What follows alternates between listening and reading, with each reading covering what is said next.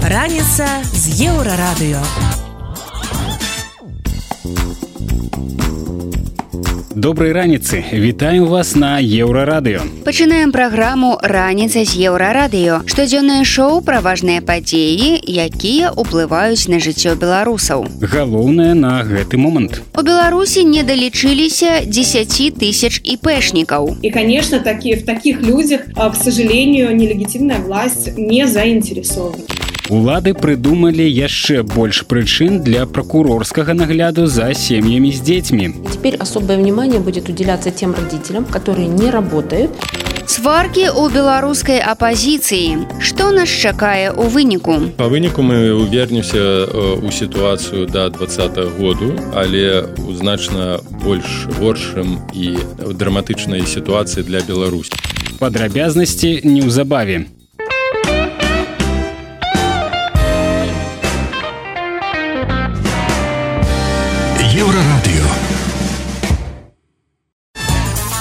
Раніца з еўрарадыё.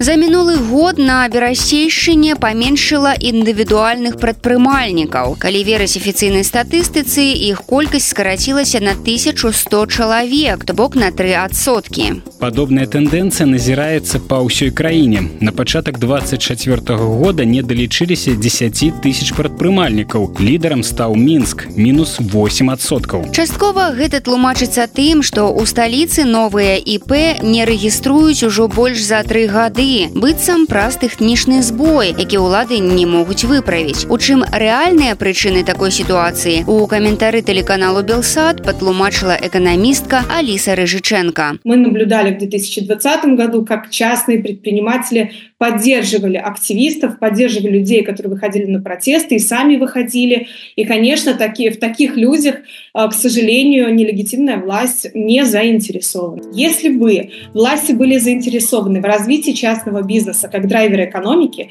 эти бы технические сбои были бы устранены в течение месяца-двух после их обнаружения.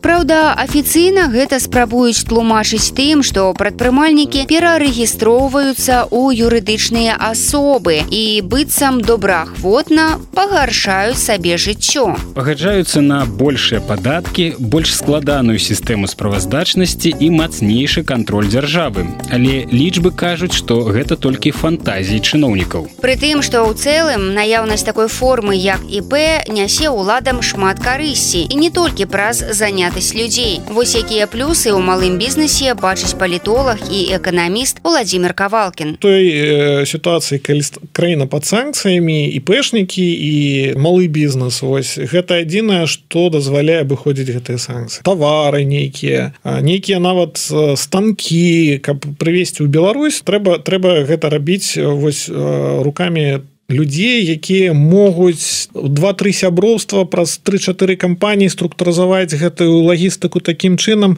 каб прывесці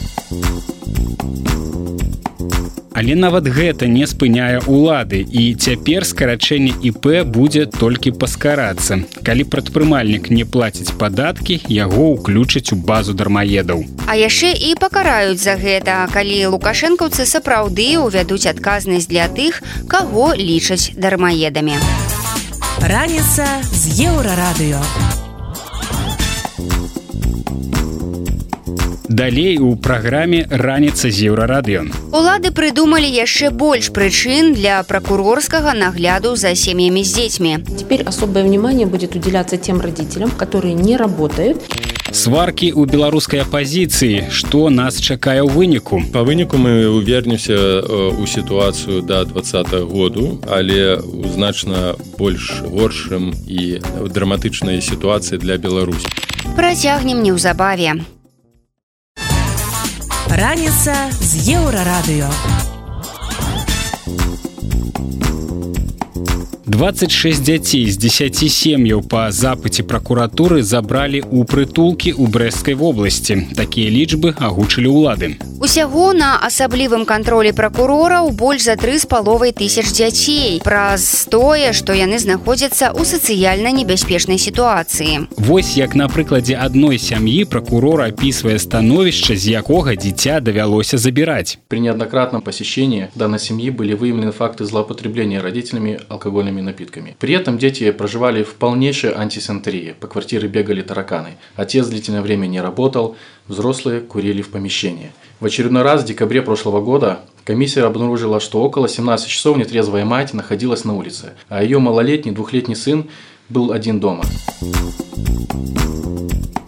Цяпер сем'яў пад наглядам улады ў стане яшчэ больш, бо са снежня мінулага года спіс прычын для гэтага пашырыўся. И теперь особое внимание будет уделяться тем родителям, которые не работают и не могут обеспечивать своих детей. Также на особом контроле будут находиться родители, которые состоят на учете у врача-нарколога, употребляют спиртные напитки, вместе с тем не принимают никаких мер к лечению хутчэй выглядае так што гэта яшчэ адзін метад ціску на нязгодных з рэжымам беларусаў. Людзей тысячамі звальняюць прадпрыемствава а потым не даюць нармальна жыць і працаваць. Затым уключаюць у базы дармаедаў і збіраюцца штрафаваць за тое што чалавек не можа знайсці сабе працу бо яму паўсюль адмаўляюць. Такая вось сапраўдная сацыяльная дзяржава. Раніца з еўрарадыё Далей у праграме раніца з еўрарадыё. Сваркі ў беларускай апазіцыі. Што нас чакае ў будучыні? Па выніку мы увернемся ў сітуацыю да два году, але ў значна больш горшым і драматычнай сітуацыі для Беларусі. Працягнем неўзабаве. Раніца з еўрарадыё. Ужо амаль чатыры гады беларуская апазіцыя дзейнічае ў вымушанай эміграцыі і ўсё больш пытанняў узнікае да вынікаў гэтай дзейнасці. Нарастаюць і супярэчнасці ў шэрагах саміх дзеячаў дэмакратычных сіл. Ці нармальныя такія працэсы або яны перашкаджаюць у барацьбе за вызваленне Беларусі. Гэтыя тэмы ўзнялі ў сваёй размове рэдактар еўрарадыё зміцер лукашук і палітолог доктар палітычных навук павел усаў інтэрв'ю якое даў александр меленкевич радыё свабода і саннікава які даў інтэрв'ю калі гэта можна назваць інтэрв'ю канешне размову з журналісткай дойчы веле параўноўваючы іх. У это прыкмета того сапраўды что адбываецца зараз у дэмакратычных сілах. Вось гэтыя перапіханки з аднаго боку тут Божы дар тихохановская з другого боку да ўся это агентура усе яны там вот стаўленікі ФСБ Крымля і ўсяго астатня вот это вот тое что мы заслужу заслугоўваем на сёння. Думаю так. Гэта той стан рэчаў з якога мы не выходзілі з 20 до двадца году вось двадцатый год даў магчымасць адсвяжыць ці сфарміраваць нешта новае якасна новае ў людскім ідэалагічным кантэксце. Ну неважна там наколькі ну это канешне важно наколькі там быў вялікі плыў Масквы на фарміраванне перш за ўсё гэтых палітычных актораў але сам факт вось гэтай хвалі нацыянальнай другой хвалі нацыянальнага адраджэння ён даў надзею на тое што ўсё ж таки ўзнікнуць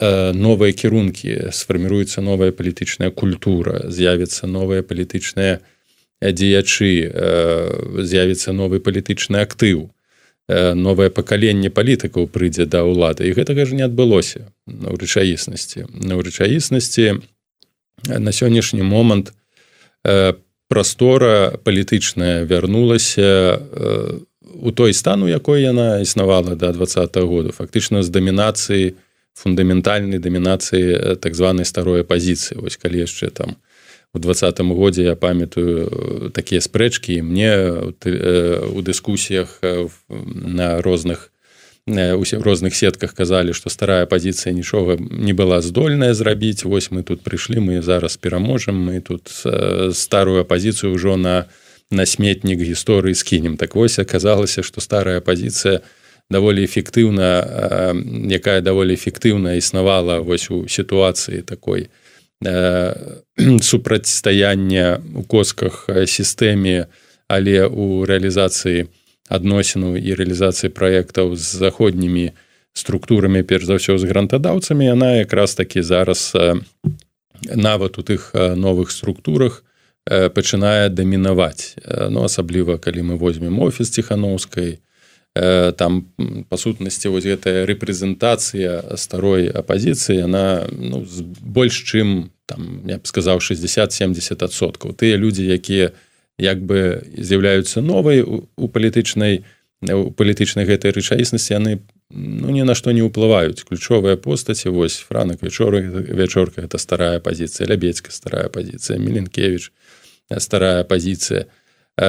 Спробы вось гэтай групы якая сфарміравалася вакол бабарыка групы таких называюць бабарыканцаў бабарыканцамі гэта вельмі не люблю гэтыя фразы яна не стала прадстаўнічай палітычнай групы. Яна не сфарміравала новы палітычны эстаблішмент апозіцыйны хаця такія амбіцыі былі у таго ж і раднінкова і краўцова так але гэтая група па суці за па сутнасці зараз яна па-за межамі вось такой акрэслівання ну апозіцыйны скажем так палітыкі ці структуры. Ну і не стала таким цэнтрам генерацыі фарміравання цэнтрам яны можа і не сталі я... але як пагляжу на замежныя паездкі так абавязкова краўцоў прысутнічае ну, як разумееце ну гэта ж адзінка вось такой групы нават каардынацыйная рада якая павінна была б сабраць больш или менш новых людзей яна таксама не згенеравала нейкіх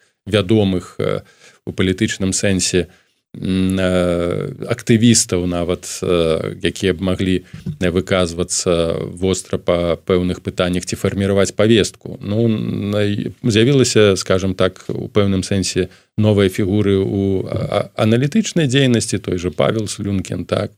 Але ўсё ж таки таких вось вышкавікоў ну які павел а, а может быть прычына то вельмі простая бо за любым чалавекам які прэтэндуе Ну я не ведаю пасля ваших словаў про палітыкаў не палітыкаў казаць слажа ну на нейкую ўсё ж таки стаць постацю у яго павінна быць некая ідэалогія ідэя. Дакладна А калі нема вы вось вось мы і вяртаемся до гэтага что э, э, той ідэі вось на ну праблема ўся вот у тым что а можа не праблема гэта такі рэчаісны стан быў рэчаў что ідэалогія ў двадцатым годзе не была патрэбная. І калі нават просто зараз прагледзець усе тыя інтэрв'ю выказванні людзей якія прэтэндавалі на прэзідэнцкую пасаду яны былі асцярожна так асцерагаліся нейкіх таких важных сэнсоўных экзістэнцыяльных праблем гэта не геапалітычны наш Ну потому что гэта вялікай большай колькасці простых людзей не патрэбна. Большай колькасці людзей увогуле мала што патрэбна. А задача лідара калі мы кажам пра палітыка і пра лідара якраз таки сфарміраваць патрэбну патрэбы а ў тым ліку ідэйныя патрэбы і патрэбы у гістарычныя патрэбы бо они ісці ў фарватары умоўна чаканняў бальшыні якія былі сфарміраваныя не беларусамі. Гэта была ж гэта ж была каланіяльная ментальнасць. Гэта былі стэеатыпы бачанне разуменне навязаныя нам беларусам рассеяй на працягу гэтых 300 гадоў. І кінуць выклік ось на гэта з гэтага хацелі скарыстаць. Не імкнуцца і змяніць ментальнасць не імкнуцца змяніць свядомасць. Хаця падтрымка нават палітычная гэта дазваляла зрабіць. А вось ісці ў фарватары чужой павесткі экзастанцыянальнай гістарычнай для беларусі. Не змагацца не у спрыяць развіццю нацыянальнага бачання і разумення палітыкі А вось ісці ў гэтым фарват. Палітыку ж трэба быць хітраму спачатку вот ён вот так вот атрымаў большасць потым сітуацыі гэта не працуе. У нашай ситуации... А вопыт зянона станіславовича што падказвае? Вот калі ён узяўся за фармаванне я за. Але калі ён узяўся за фармаванне і вельмі так рашуча па выніку што страціў галасы ну вы адзін з тых хто напэўна добра ведае кантэкст э, той палітычнай барацьбы у якой мы апынуліся ў 90-е гады калі э, уся дзяржаўная машына фарміравала негатыўны вобраз пазняка і знову меркаванне людзей базавалася на тое што укладалася ім у галовы умоўна дзяржаўным номенклатурным тэлебачаннем і расійскай культуры і, і тут не праблема зенона пазняка не праблема нацыянальнага руху. Ён атрымаў вельмі вялікую падтрымку меў вельмі вялікую падтрымку. Ён здзейсніў тое што ніхто не мог здзейсніць ён фактычна адбудаваў на рэальную незалежнасць. Так электаральныя кампаніі могуць будавацца по-іншаму і тут э, шукалі той трэцяй дарогі э, і атрымалі дарогу ў тупік. у Да чаго могуць прывесці сваркі ў апазіцыі пра будучыню дэмакратычных сілаў, а таксама пра стан асяроддзя апанентаў, прыхільнікаў лукашэнкі і яго прапагандыстаў працягваюць павел усаў і зміцер лукашук. Па выніку мы увернемся ў сітуацыю да два году, але ў значна больш горшым і драматычным драматычнай сітуацыі для беларусі гэта акупацыя гэта фактычна уцягненне ў вайну супраць супраць Украіны і гэта знішчэнне ўсіх усіх інстытутаў якія функцыянавалі ўнутры беларусі нават пасля крызісаў шостага там десятого году.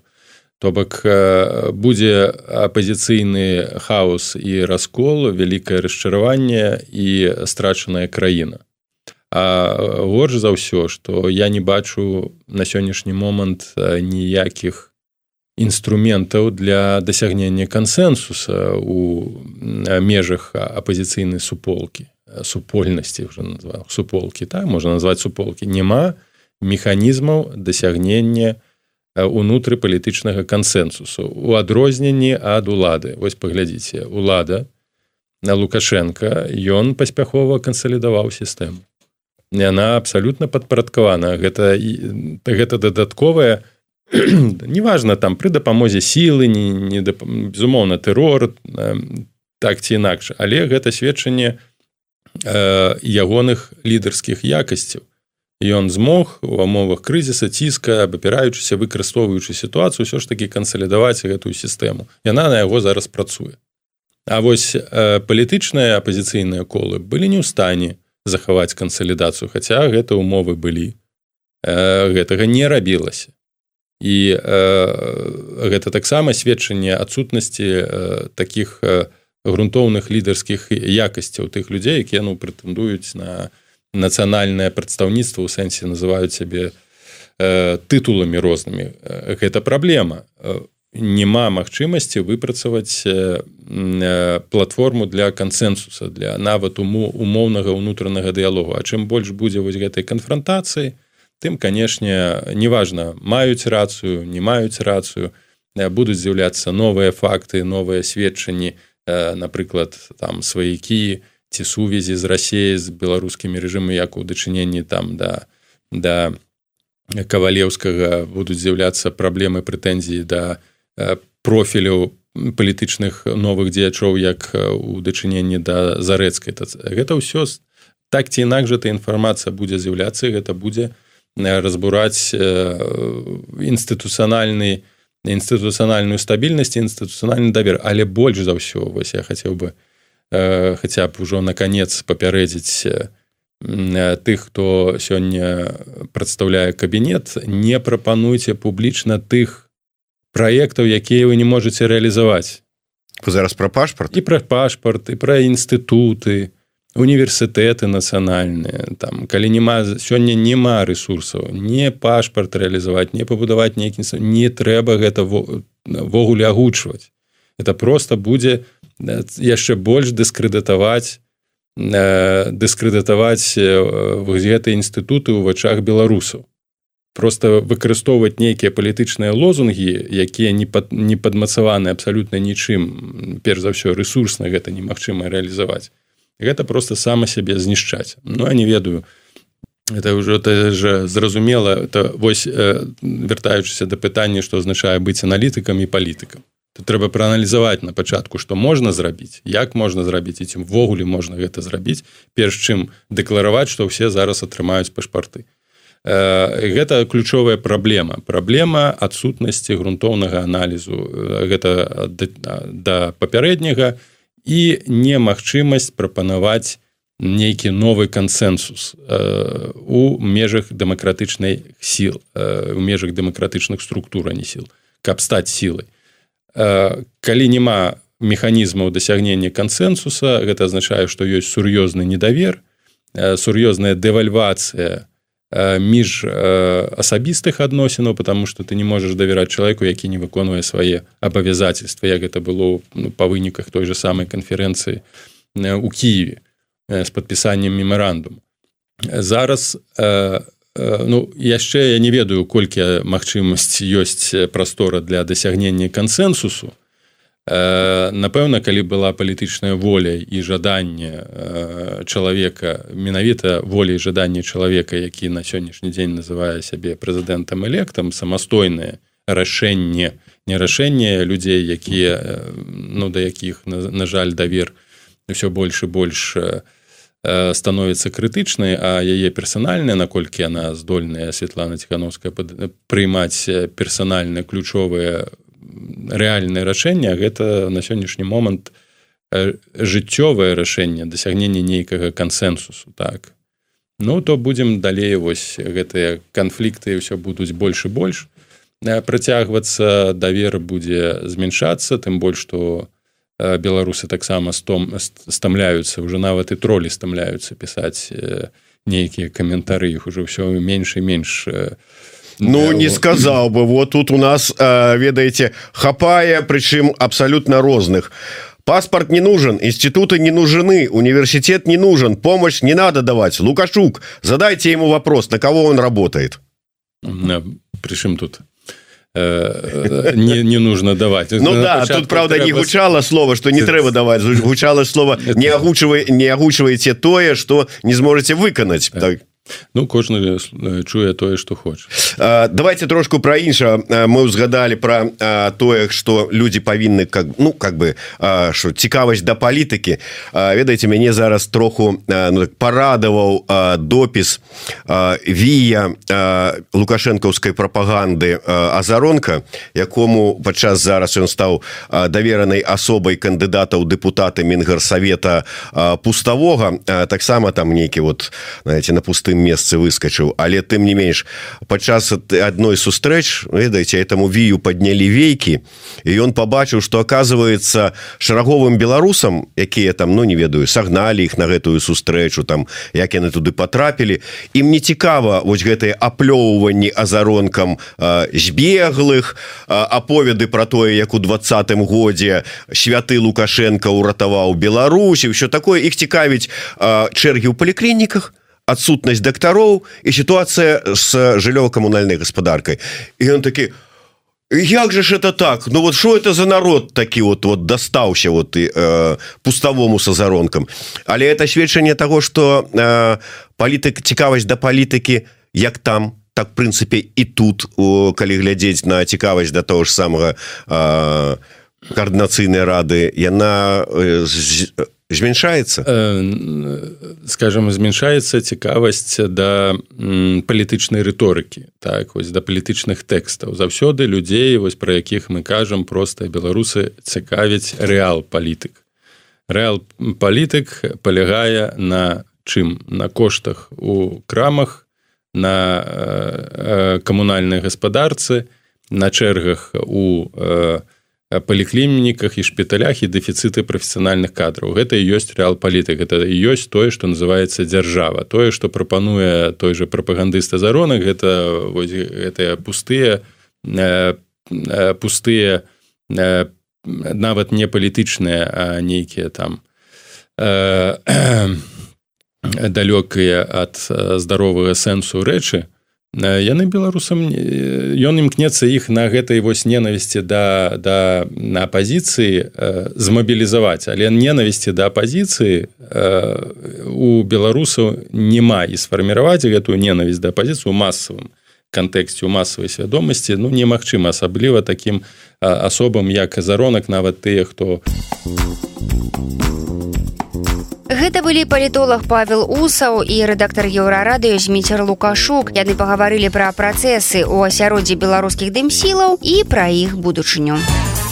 Раніца з еўрарадыё. Далей у праграме раніца з еўрарадыё. Шэнген даражэе, але візы праз гэта не стануць больш дасяжнымі. Такія праблемы ўзнікаюць масава іх шмат. гаворка ідзе пра сотні людзей. На перасцейшчыне раскрылі чарговую махлярскую сетку. Ну, носки деньги, носки на дно пакета положите. Я положила на носки деньги на дно пакет. Курьер приедет и вы, выкинете через окно.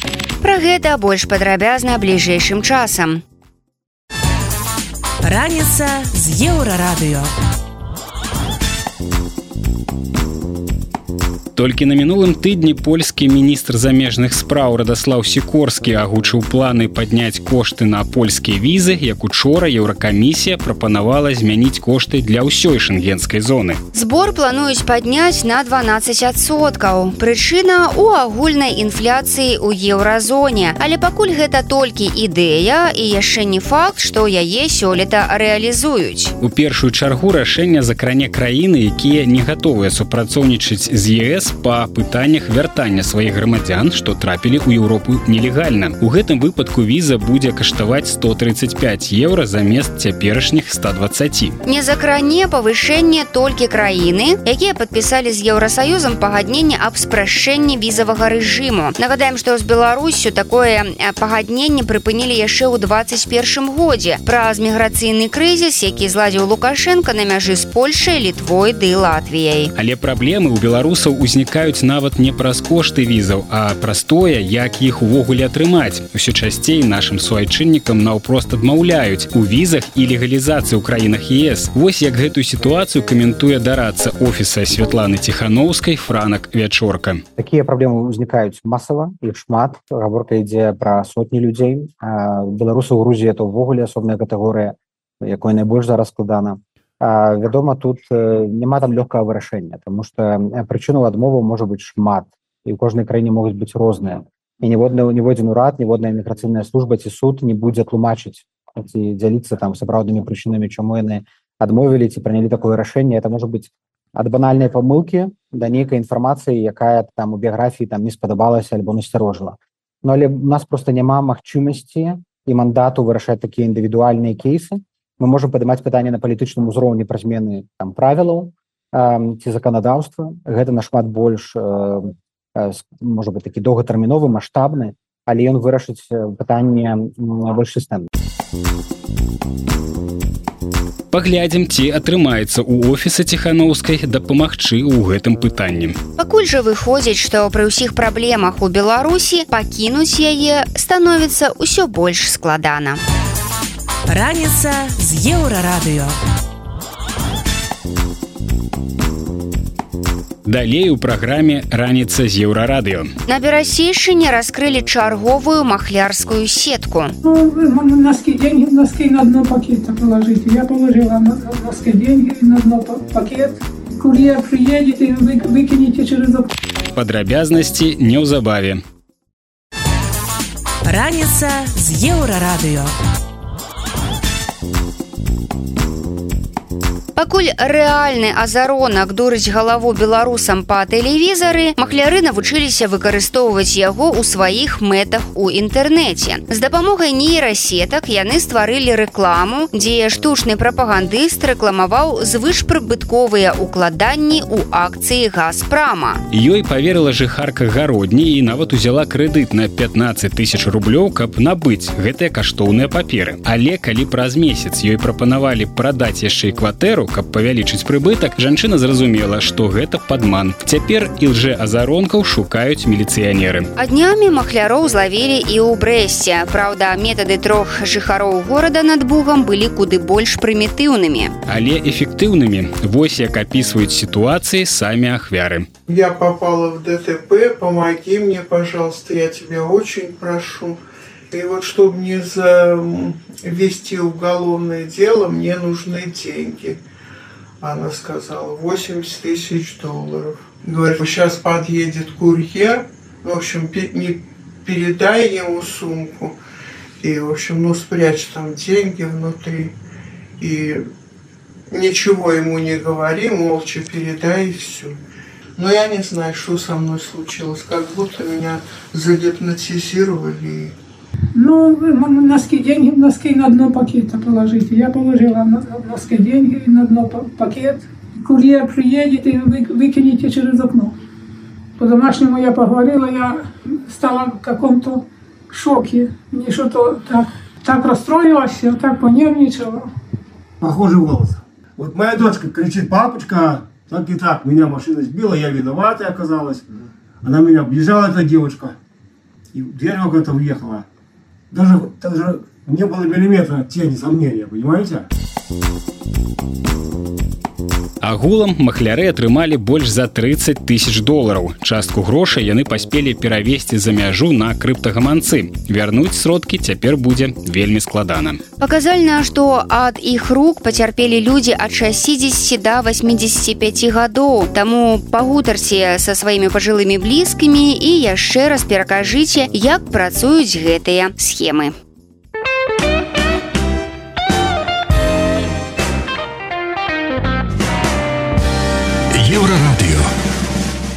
раніца з еўрарадыё хутка працягнецца. Вас чакае яшчэ шмат цікавага. Не пераключайцеся. Раніца з еўрарадыё вяртаемся на еўрараду і працягваем ранішні эфір. Вы по-ранейшаму слухаеце раніцу з еўрарадыё. Інфармацыйнае шоу пра важныя падзеі якімі жывуць беларусы і іншы свет. І вось што цікавага мы распавядзем далей. Ці шукае украінская ўлада паразумення з беларускімі дымсіламі? Пошук дыалогу у якія умовы змяшчаюць затрыманых за палітыку на акрэсціна і валадарку? Врачи в бравлянах не вы ну не выдержали такого и начали кричать прямо на сотрудников что они конченые что они делают с людьми. Эканамічныя навіны беларусі у рубрыцы хау-матч наша экономика должна э, развиваться опережающими темпами относительно мировой. Про гэта ды іншае больш падрабязна цягам бліжэйшай гадзіны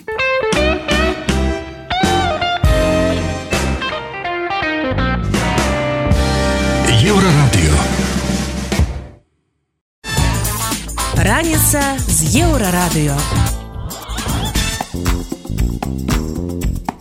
Украіна прызначыла спецпрадстаўніка па асобых даручэннях у Беларусі. Ім стаў дыпламат ігаркі зім. Да чэрвеня 23 -го года цягам 5 гадоў ён быў амбасадарам Украіны ў нашай краіне. Пракаментаваўшы сваё прызначэнне, кізім заявіў, што цяпер любое пытанне, якое тычыцца Беларусі, мае асаблівы характар. І што ў ягоныя абавязкі ўваходзіць у тым ліку пытання стасункаў з беларускімі дэмсіламі, як часткі беларускага грамадства грамадства якое выступае супраць палітыкі цяперашняга кіраўніцтва беларусі. Ці значыць гэта што кіеў перагледзеў фармат сваіх узаемаадносін з беларускай апазіцыяй і якой цяпер будзе падтрымка беларусаў ва ўкраіне? На пытанні выдання маланка адказвае украінскі палітолог яўген магда. Я думаю що це рішення в першу чергу правильне тому що Ігор Кизим досвідчений дипломат, і він працював в Білорусі про кілька кілька років. Він розуміє реалії,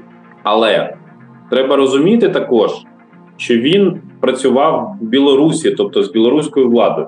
Йому тепер треба час для того, щоб вивчити, чим є білоруські демократичні сили. І я думаю, це нормальний процес, тому що це пошук діалогу. Я думаю, що Україна фактично сформулювала зараз такий трикутник: Київ, Мінськ, Білоруські демократичні сили.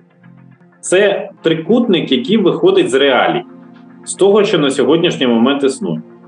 Я з повагою ставлюся до Ігоря Кизима. Він сильний, на мою думку, дипломат, але я не чекаю від нього дива. Я не чекаю, що завтра Тихановська примчить поїздом, я хотів сказати, прилетить, примчить поїздом до Києва, прийде до Зеленського, підпише там низку різних угод. Ні, цього не буде. Але позитив є в тому, що є людина, яка відповідає саме за цей напрям. Вона призначений, тобто з політичною відповідальністю чиновник. І з нього можна питати, пане Ігоре, чому відбувається так, а не інакше? Тому що коли цим займалися численні радники і таке інше, то виникає питання. А радник, ну я сьогодні, припустимо, умовно радник, а завтра не радник. Ну і що? Яка моя відповідальність? Радити? Радити це не відповідальність. Я думаю, що Кизим ближчим часом здійснить візит до Вільнюса і до Варшави, буде там говорити, оскільки живе на два міста. Демократично, е, демократичні е, білоруські сили живуть на два міста. І вони там будуть говорити про ці всі речі достатньо активно. Як і що буде далі, ну все буде залежати. Але добровольці білоруські в лавах Збройних сил біля тисячі людей кругом бігом. Про них треба говорити. Становище білорусів в Україні. Ну фактично вони не можуть вести бізнес, вони нічого не можуть. Вони тут почуваються ну некомфортно зараз. Є для цього об'єктивні причини, тому що Лукашенко оголосив їх співагресором Білорусь, але ж чи ми це сприймаємо, чи ми не сприймаємо. Третє різноманітні культурні прояви, як ми як ми співпрацюємо, переклади книжок, вистави, е, взаємодія діячів культури. Ну, зрештою, скандальна тема вивчати білоруську історію і білоруську мову в Україні потрібно. Я вважаю, потрібно. Я думаю, що у Ігоря Кизима буде аналогічна ситуація. Дапамога рэжыма лукашэнкі рассіі ў вайне не толькі сапсавала міжнародныя адносіны абедзвюх краін, але і сапсавала стаўленне украінцаў да беларусаў. Пра пагаршэнне стаўлення кажуць і беларускія актывісты, якія працягваюць жыць ва ўкраіне і сацыялагічныя даследаванні. Бо як яшчэ рэагаваць на людзей, з чыёй краіны ляцелі расійскія ракеты. Ці магчымы ў такіх умовах дыялог паміж беларусамі і украінцамі і калі ён можа пачацца працягвае Яўген Магда. Тобто я не за те щоб ми молилися на перших політиків ну на Зеленського на Тихановського на всіх інших. Я за те щоб ми вели діалог говорили. І я, я прихильник тисячі кроків. І якщо хочете прихильник тисяч контактів. Бо на тисячу кілометрів кордону треба зробити тисячі контактів. Тоді воно буде працювати і треба пам'ятати, що люди, які перебувають за кордоном, як ви, вони є найкоротшим шляхом до білорусів, які перебувають в Білорусі. А їх там 90% від населення країн. Не всі ж ну, виїхав умовно кожен десятий, а 9 з 10 залишились. І вони перебувають під постійним тиском пропаганди. Ну просто система промивання мізків в Білорусі працює, це не секрет. І з цим треба далі працювати і далі взаємодіяти. З намі быў украінскі палітолог Яўген Магда. Эксперт распавёў пра стаўленне украінскага ўрада да беларускіх дымсілаў і пра тое, ці магчыма сёння паразумецца беларусам і украінцам. Раніца з еўрарадыё. Далей у праграме раніца з еўрарадыё. У якія умовы змяшаюць затрыманых за палітыку на акрэсціна і валадарку. Врачи в Бравлянах не, вы, ну, не выдержали такого и начали кричать прямо на сотрудников, что они конченые, что они делают с людьми. Экономичные новины Беларуси. Рубрика «How much?». Наша экономика должна э, развиваться опережающими темпами относительно мировой. Протягнем пасля новинаў спорту.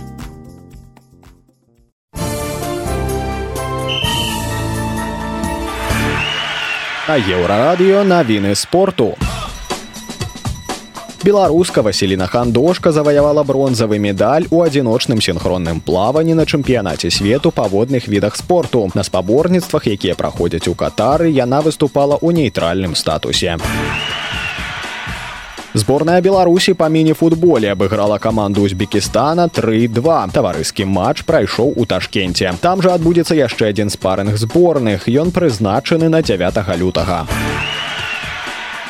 У чэмпіянаце КХл мінская дынама дома прайграла северсталі 24. Гэта трэцяе ў сезоне паражэнне зуброў ад каманды з расійскага чарапаўца. Дынама дагэтуль не гарантавала сабе месца ў плэй-офф. Засталося згуляць яшчэ 8 матчаў бліжэйшы 8 лютага ў мінску з цСК. На спартакіядзе ў рассіі здарыўся скандал з беларускімі біятланістамі. Іх не дапусцілі да ўдзелу ў мастарце. Адпаведны загад выдала расійскае міністэрства спорту, якое хацела бачыць у гэтых спаборніцтвах выключна сваіх спартсменаў. У спрынце гонцы пераследу і эстафетах беларускім біятланістам паўдзельнічаць дазволілі.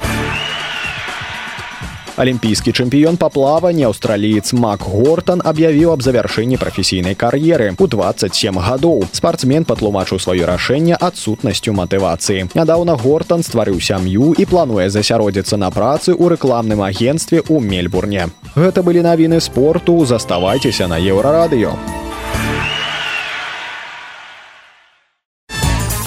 Раніца з еўрарадыё. Студэнта бДУ данілу каранкевіча затрымалі ў красавіку 23 -го года за пратэсты трохгадовай даўніны. Тры месяцы хлопцы трымалі ў зняволенні. Арыштавалі данілу на працы і павезлі на аператрус дадому дзе збівалі на вачах у жонкі. А пасля хлопец трапіў у першамайскі рус. Падставай для затрымання стала абвінавачванне ва ўдзеле ў плане перамога сілавікі дзве гадзіны выбівалі пакаяння пры дапамозе электрашокера яны дасталі дасталі яго сейфа і вырашылі праверыць. Праз мяне ён разрадзіўся. Успамінае даніла і адзначае што пасля гэтага яго сталі біць нагамі. Гісторыю свайго зняволення хлопец распавёў выданню мост медыа да я находился на кресена волдарского сначала был административный арест в общей камере потом был карацер на крестина и потом сизо. И во всех этих местах совершенно разные условия То есть, если мы берем первое, куда попадают, это административный арест, то ну, там совершенно разные люди. Там камера рассчитана примерно... В той, которой был я, она была рассчитана на 4 человека. Нас там находилось от 10 э, до 14, 18. Вот так. Там нет ничего. Нет ни ваты. Вата – это матрас, на котором ты спишь э, ни средств гигиены, туда не заходят передачи, потому что на Крестина ничего не принимают. И люди там, грубо говоря, могут просто сходить с ума. У меня был э, сокамерник на Крестина, это ранее судимый. Он где-то просто пьяным крикнул «Живи Беларусь!». Ему дали 30 суток. И он говорил, что лучше бы он выбрал посидеть э, полгода на строгом лагере, чем 30 суток там. Ну, потому что там отсутствует все. У тебя забирают верхнюю одежду. Кстати, забирают ее только у политических, потому что э, бомжи, которые ездят на работу оттуда, у них, как правило, это все есть. То есть куртки им оставляют. И тоже это вы спите э, близко друг к другу, это пол, кто-то спал на гриле. Гриль — это вот э, шконка железная, и там решетка установлена такая. Кто-то мог там спать, кто-то нет. Ну, тоже там спали по два человека на них на одном месте. То есть ничего не изменилось после 2020 года? Все то же самое, такие же условия, набивают камеру, э, не дают матрасы? Да. Кормят хоть? Кормят, э, но один раз на Крестина, когда именно изолятор временного содержания, куда привозят административных по суду, и там тоже такая маленькая камера, где все ждут политические нас э, два раза не кормили. Ну, грубо говоря, нам на 10 человек давали буханку хлеба, и аргументировали это тем, ну, эта камера последняя идет, что на нас не хватило. Ну, как-то можно быть, что не хватило. Как-то так получается. На 1 мая, нет, на 9 мая, в честь праздника, э, нам дали, ну, там дают овощи, салат, квашеная капуста была, и нам не каждому порционно дали две большие миски квашеной капусты. Все ее кушали с удовольствием, потому что там есть витамин С, и это ну, возможность хоть как-то восполнить. Передачи тоже не доходили на Крестина? А, на да? Крестина нет. А, знаю единственное одному человеку, а, прошли медикаменты, но он был астматиком, и вместе с медикаментами ему передали зубную щетку, ему ее тоже отдали. А так ни у кого не было зубов? Нет. И что, единственный по человек. кругу все одной щеткой? Нет, лично просто у человека у одного была зубная щетка. Ни пасы, ничего. То есть 10 дней руками. 10 дней – это минимум, который я там видел. Я видел людей, которые вот в таких условиях, где нет ничего. Дедушка Олег, который получил 77 суток за репосты, ему, э, ну, в общей сложности, его там возили на суды через день, ему дали 77 суток. Это тоже не рекорд. То есть там люди не бритые, с бородой, заросшие. И ну, это называется запустить на круг.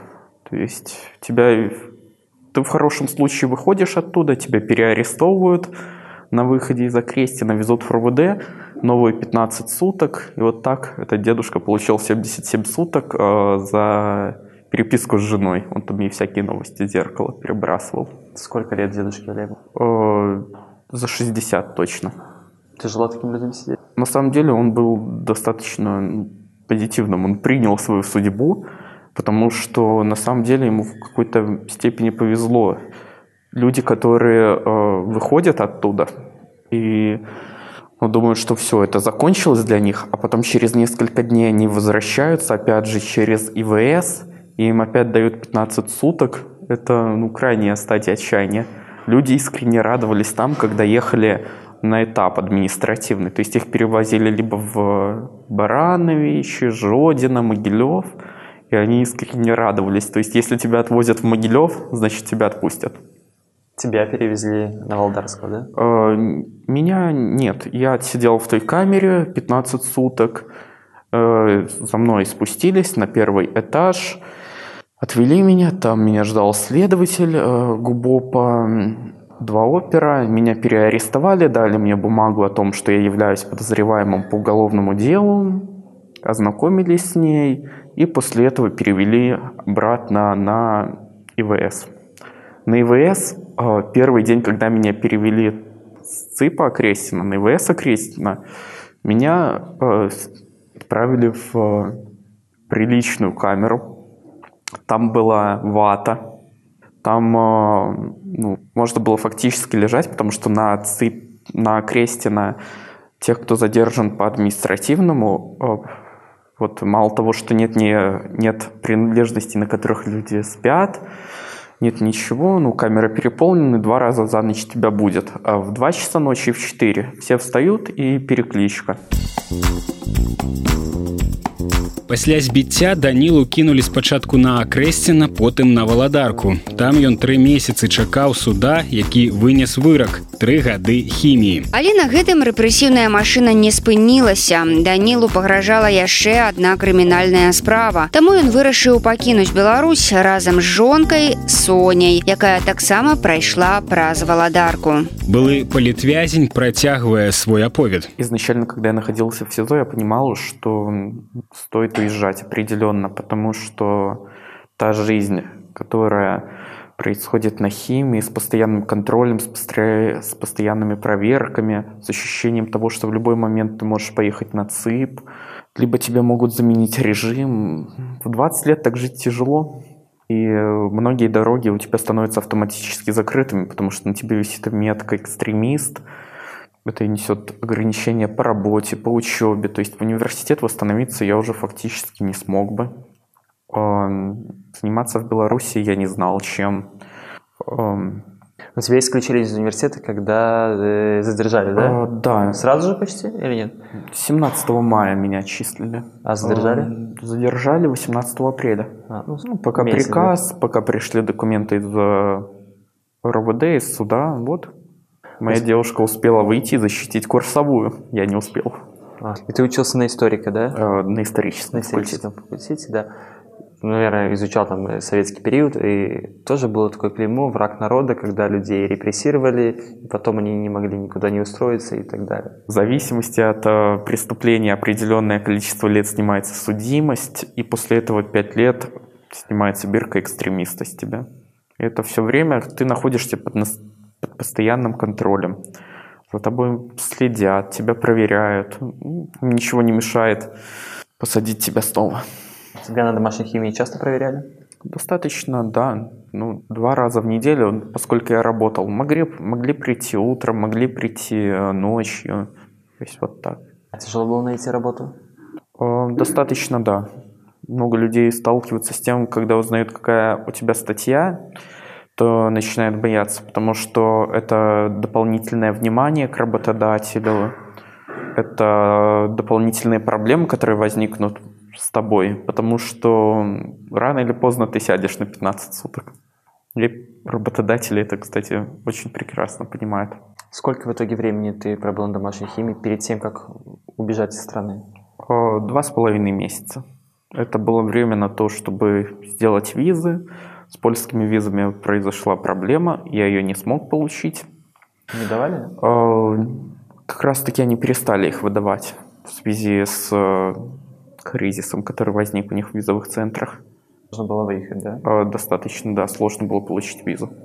Страшно было уезжать? Скорее нет, страшно было оставаться. Выніку Даніла з жонкай збеглі ў Польшчу. Тут яны ўжо чатыры месяцы. Хлопец плануе ўзнавіць вучобу, зноў паступіць ва ўніверсітэт і робіць усё магчымае, каб той жах, што адбываецца ў Беларусі, нарэшце скончыўся. Раніца з еўрарадыё. Далей у праграме раніца з еўрарадыё. Эканамічныя навіны Беларусі, рубрика «Хаумач». Наша экономика должна э, развиваться опережающими темпами относительно мировой. Працягнем пасля навінаў шоу-бізу. Шоу-біз.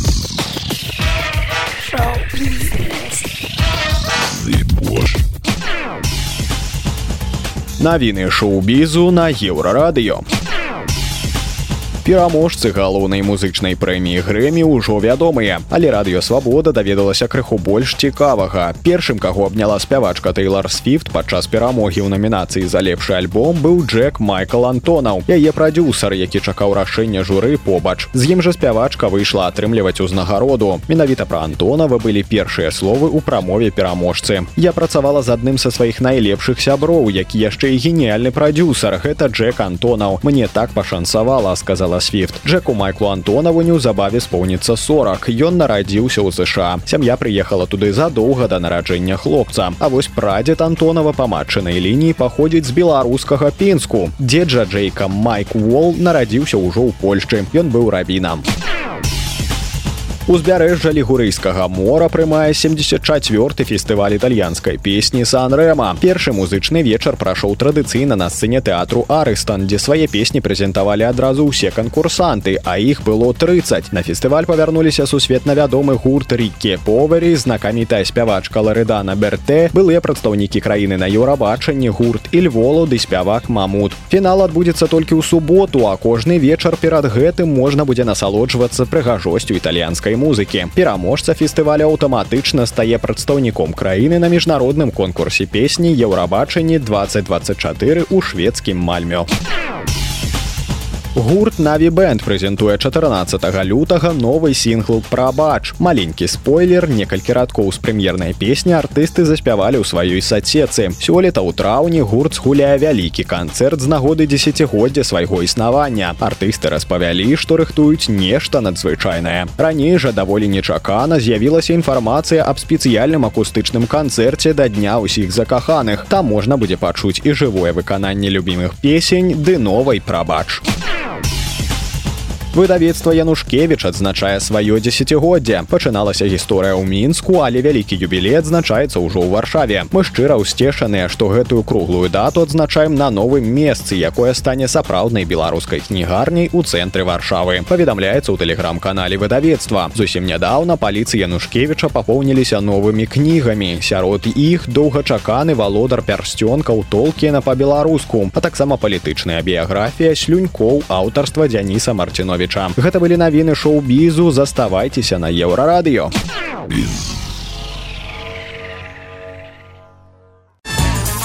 Раніца з еўрарадыё.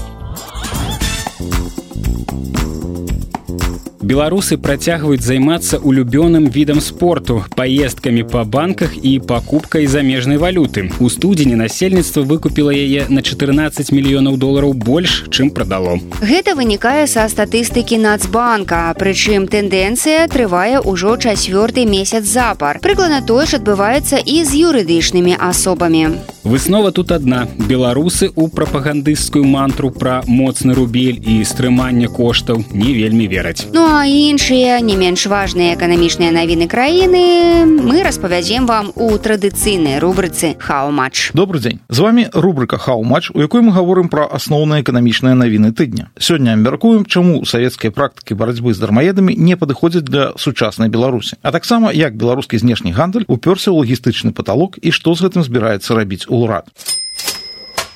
Напрыканцы мінулага тыдня гісторыя барацьбы беларускіх уладаў супраць тых, каго яны лічаць дармаедамі атрымала працяг. Начальнік управлення ўнутраных справаў гродзенскага аблаву канкама Дмітрий Разенков сказаў, што ведомства прапануе новаму складу парламента закон об адказнасці за дармаедства. Незразумела, якой будзе гэтая адказнасць. Збіраюцца ўлады абмежавацца для пачатку адміністрацыйным пакараннем ці адразу будуць прыцягваць па крыміналцы. У любым выпадку намеры сур'ёзныя. Не сказаць, каб гэта была новая ідэя. Пра тое, як прымусіць людзей працаваць беларускія ўлады гавораць уже вельмі даўно давно. Вот что сказал Лукашенко еще три года тому. Немедленно заняться трудоустройством безработных.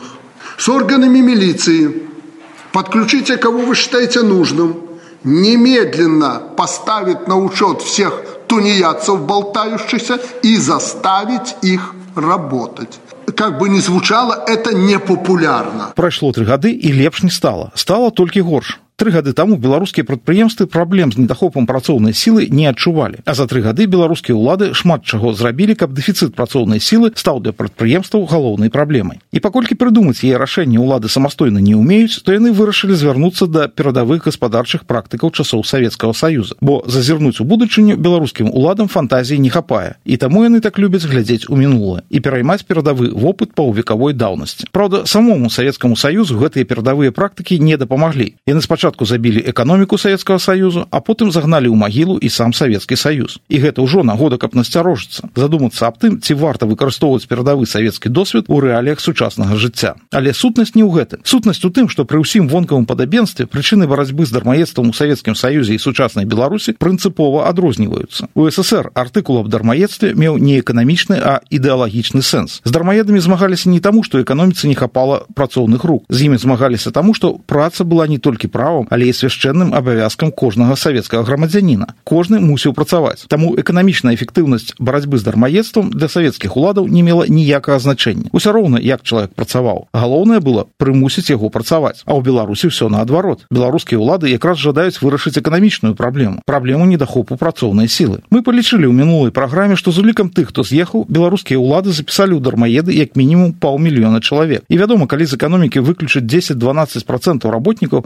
то ў эканомікі пачнуцца праблемы. Але закон аб пакаранні за дармаедства гэтую праблему не вырашыць. Ён яе толькі пагоршыць. Па-першае мігранты. 200 350 тысяч чалавек якія з'ехалі за мяжу. З'ехалі на вучобу ці на працу але яны ўжо лічацца дармаедамі. І калі раней нейкая частка гэтых людзей планавала вярнуцца то цяпер яны вяртацца ўжо не захочуць. Бо пасля прыняцця закона любога з гэтых людзей можна будзе арыштаваць проста на мяжы. У момант вяртання. То бок калі закон будзе прыняты дык 200 350 тысяч беларусаў за мяжой для беларусі страчаны. А тыя хто знаходіцца ў беларусі вядома задумаюцца як з беларусі з'ехаць. Нават калі раней яны пра гэта не думалі. То бок нават не прыняцце закона а самі размовы аб прыняцці гэтага закона прывядуць да таго што мігрантаў з беларусі стане больш Чаму гэты закон дапаможа дык гэта рынку начных вартаўнікоў і вахцёраў і можа быть дворнікаў. Я думаю з'явіцца шмат ахвочых пастражыць што-нибудь уначы за чвэрць стаўкі. І напэўна знойдуцца людзі якія будуць даваць такую магчымасць за умераную аплату. Вось на каго улады могуць крыху разлічваць дык гэта на людзей з паніжаным узроўнем сацыяльнай адказнасці. Тых якія не працуюць таму што не жадаюць працаваць. Вось некаторую частку з іх на некаторы час можна будзе прыстроіць да працы. Але тут ужо ўзнікае пытанне аб эканамічнай эфектыўнасці Таму што на прыцягненне прыцягнення да працы людзей якія не жадаюць працаваць трэба будзе марнаваць каласальныя дзяржаўныя ресурсы гэтых людзей трэба знайсці працаўладкаваць прыставіць да кожнага кантралёра. Не ведаюць дойдзе справа да аблаў каля крам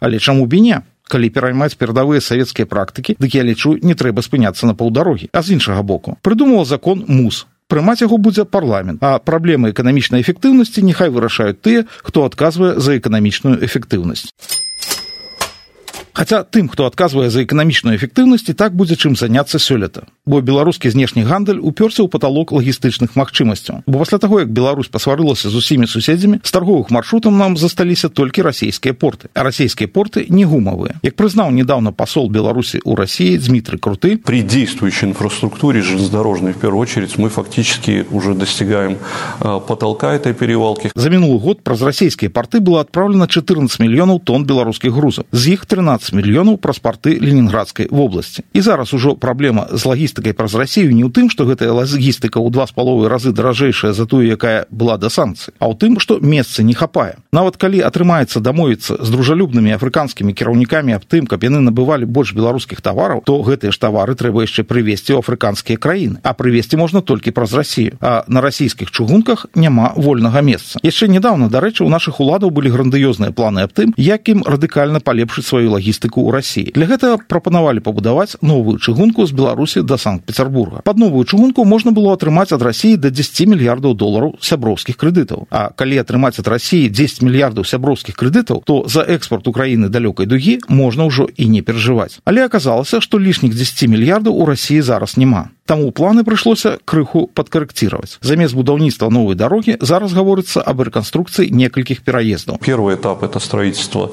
семи разъездов, то есть восстановление разъездов, которые были э, после Советского Союза фактически законсервированы. Их нужно сегодня очень оперативно и быстро восстановить. Але радыкальна праблему беларускай лагістыкі гэта не вырашыць. У лепшым выпадку да 25 -го года перавозка беларускіх грузаў праз Ленінградскую вобласць вырасце з цяперашніх 13 мільёнаў мільёнаў тонн до 15 мільёнаў а лішнія 2 мільёны тонн до 25 -го года не выратаюць грандыёзныя планы якія ёсць ва ўрада наконт беларускай эканомікі Таму што сёлета ўрад хоча сабе вырасціць вуп не горшы за леташні Вось што сказаў міністр эканомікі юрый чабатар мы исходим из концепции того что наша экономика должна э, развиваться опережающими темпами относительно мировой. І вось выглядае так что гэта той самы класічны выпадак калі нашыя жаданні не супадаюць з нашымі магчымасцямі На гэтым усё. З вами была рубрика хау-матч пачуемся ў суботу. Усяго добрага. Хау-матч